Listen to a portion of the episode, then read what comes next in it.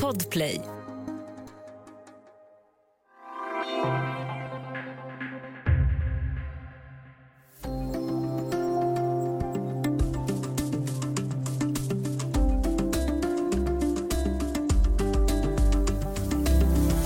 De allra flesta barn som smittas av covid blir nästan inte alls sjuka, men ett litet antal får symptom som inte ger med sig. I Stockholm försöker ett läkarteam förstå vad som händer med de här barnen. Välkommen till Studio DN. Jag heter Sanna Thorén Björling.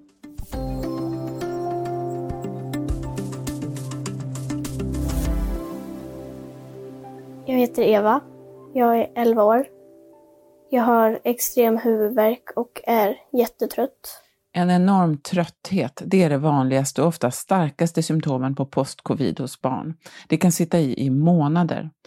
Även om andelen barn som drabbas är litet så finns nu en kö för att få råd och hjälp av den specialistenhet som har bildats på Astrid Lindgrens barnsjukhus i Stockholm. De flesta av patienterna är mellan 11 och 16 år. Vi ska prata om de långvarigt sjuka barnen med Amanda Lindholm som är reporter på DN. Välkommen Amanda! Tack så mycket! Eh, Amanda, du och fotograf Lotta Hedelin, ni har ju träffat några av de familjer med barn som utreds för postcovid och så har ni intervjuat en del av de läkare som arbetar med de här barnen. Eh, om man börjar lite i en annan ände, vet man hur många barn i Sverige som har haft covid överhuvudtaget? Nej, det vet man inte. För barn, eh, under ganska lång tid så testades ju barn eh, alls inte för covid-19. Och många av de här barnen som nu utreds för post-covid eh, insjuknade först under eh, våren. Eh, och eh, väldigt många av dem blev inte testade. Just det. Några av dem blir ju alltså svårt sjuka, även om de allra flesta blir friska snabbt. Eh, när började man upptäcka det här? Läkarna och eh, läkarteamet på Astrid Lindgrens barnsjukhus berättar att eh, det var i november som de började få rapporter från, från vuxensjukvården där eh, patienter med postcovid utreddes. Och då var det deras, eh, deras barn som de berättade att de blev inte friska. Eh, och efter det så hörde föräldrarna själva av sig till, till eh, läkarna och fysioterapeuterna som arbetar på, på sjukhuset. Eh, så det var någon gång där som de i alla fall började uppmärksamma det här på riktigt och ganska snart efter det så bestämde de sig för att sätta igång med det här projektet för att, för att utreda barnen och försöka, försöka hjälpa dem på alla sätt som de kan. Just det. Och en del av dem har ju då varit sjuka i nästan ett år. Ehm, ett av de här barnen ni har träffat heter Eva Jakobsson. Hon blev eh, sjuk med, eh, hon och hennes familj blev eh, sjuka i mars. Och de beskriver det som en ihärdig förkylning. Ehm, och ehm, ja, men de, de tror ju då att det var covid-19 men de testades inte för det då. Ehm, under våren så fick hon problem med kraftiga utslag och en hel del andra symptom och sen så i, i höstas, i, i augusti, så blev hon jättesjuk och sängliggande. Um, och uh, hennes läkare tror att, eller han, han säger att det här är uh, hennes symptombild är förenlig med, med långvariga symptom efter covid-19, så det är det hon, hon utreds för. Så här säger hon själv. Smärta som är konstant, det är ju jättejobbigt. Det sitter ju liksom i en, så det är väldigt jobbigt. Det känns liksom som att man sitter fast i någonting som är väldigt ont. Man kan ju liksom inte göra det bättre på något sätt. Jag orkar inte göra så mycket, så försöker göra det mesta jag kan. Ibland så ligger jag bara ner och vilar. Jag längtar mest efter den, alltså, om vi säger den normala rutinen. Gå till skolan, hänga med kompisar. Alltså det var bara enkelt. Evas symptom, är de symptomatiska? Är det, är det, van, är det vad många berättar? Eller?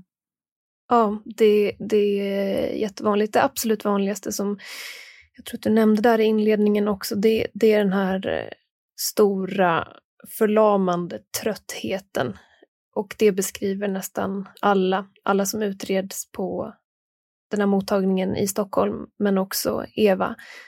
Um, men eh, den här huvudvärken som hon beskriver är, är också vanlig. Man ser också eh, barn som eh, De kan eh, tappa hår, de kan ha ont i magen, de kan ha hudutslag. Men det absolut vanligaste är den här tröttheten och den, den gör ju att eh, barnen blir väldigt begränsade i sin vardag. Mm. Vissa orkar knappt gå från ett rum till ett annat, medan andra kanske inte orkar eh, hålla på med sina fritidsaktiviteter eller går till skolan. Det är ju lätt att föreställa sig som förälder, eh, det är ju en mardröm att någonting ska hända ens barn. De här, föräldrarna till de här barnen, hur, vad gör de? Ja, de, de gör allt. Det är precis som du säger, de är ju förtvivlade över att deras barn mår så dåligt, men också att det är så osäkert. Det här är ett nytt virus som vi vet väldigt lite om. Det finns ingen helt färdig behandlingsstrategi, så det, det de här föräldrarna ser är ju att deras barn är sjuka länge och att de inte vet hur de ska göra. Jag tycker de, Therese som är Evas mamma, eh, som, eh, som inte ingår i, den här, i det här projektet i Astrid Lindgren, eh, som bor i Västerås och som lider av det här. Hon, hon berättar att eh, hon måste hon känner att hon måste hålla tillbaka Eva när hon eh, har en bättre stund och försöker sig på någon aktivitet. Och att det är så smärtsamt att behöva göra det med en 11-åring som ju ska hoppa och skutta. Men det är just på grund av de här bakslagen som också är karaktäristiskt för, för de här barnen. Att, att det kan vara bättre en stund och sen så drabbas de av ett bakslag och så blir de liggande igen. Mm. Vi ska alldeles strax prata mer om läkarna bakom det här eh, som forskar om detta.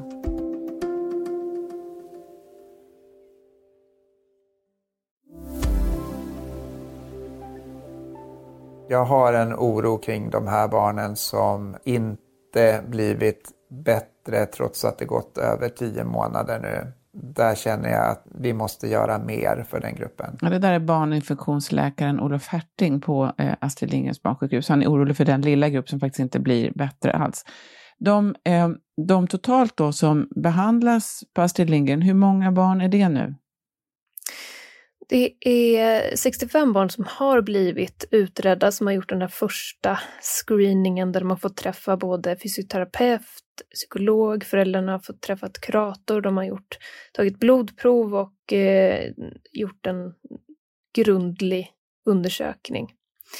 Um, och bland de barnen så berättar eh, det här teamet då att hos många så ser de en ihållande förbättring nu, men det finns en liten grupp som inte där de inte kan se den här förbättringen. Och de är de oroliga för. Just det.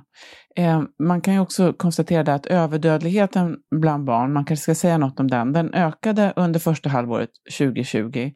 Men det har man konstaterat att det hade inte med covid-19 att göra, utan det var andra faktorer som, som orsakade den. Eh, du var inne på det här, man har utrett, men de kanske inte testades i början. Vet man om de här barnen verkligen har haft covid? En del barn vet man. Eh, strax under hälften av de här 65 barnen har antik positivt antikroppstest, mätbara antikroppar helt enkelt. Eh, men teamet tror att det är fler som har haft infektionen. Eh, och då har de gått efter andra parametrar för att, för att försöka utröna det. Då har de tittat på bland annat om fler i familjen har varit sjuka. De eh, tror inte att det fanns så många andra virus eh, som var i omlopp under den här tiden, under första vågen till exempel. Just det. Och som du säger där, det är ju ett team, det är inte bara läkare utan det är även fysioterapeuter och dietist och kurator och så. Vad försöker de göra? Vilken behandling försöker man ge till de här barnen? Det allra första som de försöker göra är att eh, utreda dem väldigt grundligt. Dels för att utesluta att det kan handla om någon annan sjukdom som behöver utredas och behandlas. Men också för att veta hur man ska kunna gå vidare. Och när man har gjort den här grundliga undersökningen så försöker man hitta en väg framåt och det handlar mycket om att balansera aktiviteten på ett sätt som gör att de kan försiktigt öka aktiviteten utan att drabbas av de här bakslagen. Just det. De flesta har ju då, som du säger, blivit lite bättre och man tror att prognosen för de flesta är ganska god. Eh, och för en del då händer ingenting. Och så skriver ni också där att man, det finns ingen påverkan på organ eller andra in, alla tydliga indikatorer och läkarna står lite grann handfallna. Hur kommer det sig att man vet så lite? Ja, för att det är ett helt nytt virus som upptäcktes för ungefär ett år sedan. Mm. Det tror jag är det korta svaret. Man har ju också läst ibland om ett annat livshotande syndrom som drabbar vissa barn som man kallar för MISC. Men det är någonting annat förstår jag. Ja, det, det är någonting annat. Jag vågar inte svara på hur många barn i den här gruppen som, som kan ha drabbats av det också. Men det, det, är, ett, det är ett akut tillstånd som eh, barn kan drabbas av. Eh, ofta så infaller det några veckor efter, efter det första eh, insjuknandet. Just. Men det, det, är inte det är inte framförallt det som, som man fokuserar på, på här. Det finns ju också andra sjukdomar eller syndrom som har ett, lite grann en liknande sjukdomsbild, eh, som det som tidigare kallades kroniskt trötthetssyndrom, till exempel ME. Eh, var det någonting som de här läkarna ni träffade nämnde eller tittar man på andra eh, sjukdomar? Nej, det är ingenting som de har nämnt, men eh, däremot så är det ju, vet man ju att eh, infektioner kan ge långvariga symptom. Det är ju känt sedan tidigare och det gäller både virusinfektioner och bakteriella infektioner. Så det, det vet man ju och det hade man ju med sig från början också i det. Så på det sättet så var de ju inte förvånade. Det som förvånade dem var väl att det var en, en större grupp än, än de trodde och att vissa av dem hade var, var så pass hårt påverkade. Mm, just det. De barnen som ni träffade, de bor hemma, eller hur? Det är inte så många som är inlagda av de här barnen, utan de Nej, lever precis. hemma. Mm. De lever eh, hemma. Mm. Eh, avslutningsvis, Amanda, vad tycker du om man, om man misstänker att ens barn har drabbats eh, av det här, vad ska man göra då? Då tänker jag, som eh, inte är någon läkare, att eh, man såklart ska ta det på allvar. Det är också det som det här teamet säger, att det är väldigt viktigt att de här barnen blir utredda. Eh, så om man har ett barn som, som mår så pass dåligt att deras vardag påverkas så, så ska man söka hjälp från vården. Så det, det tror jag verkligen. Mm. Tusen tack för att du var med idag i Studio DN, Amanda. Tack så mycket.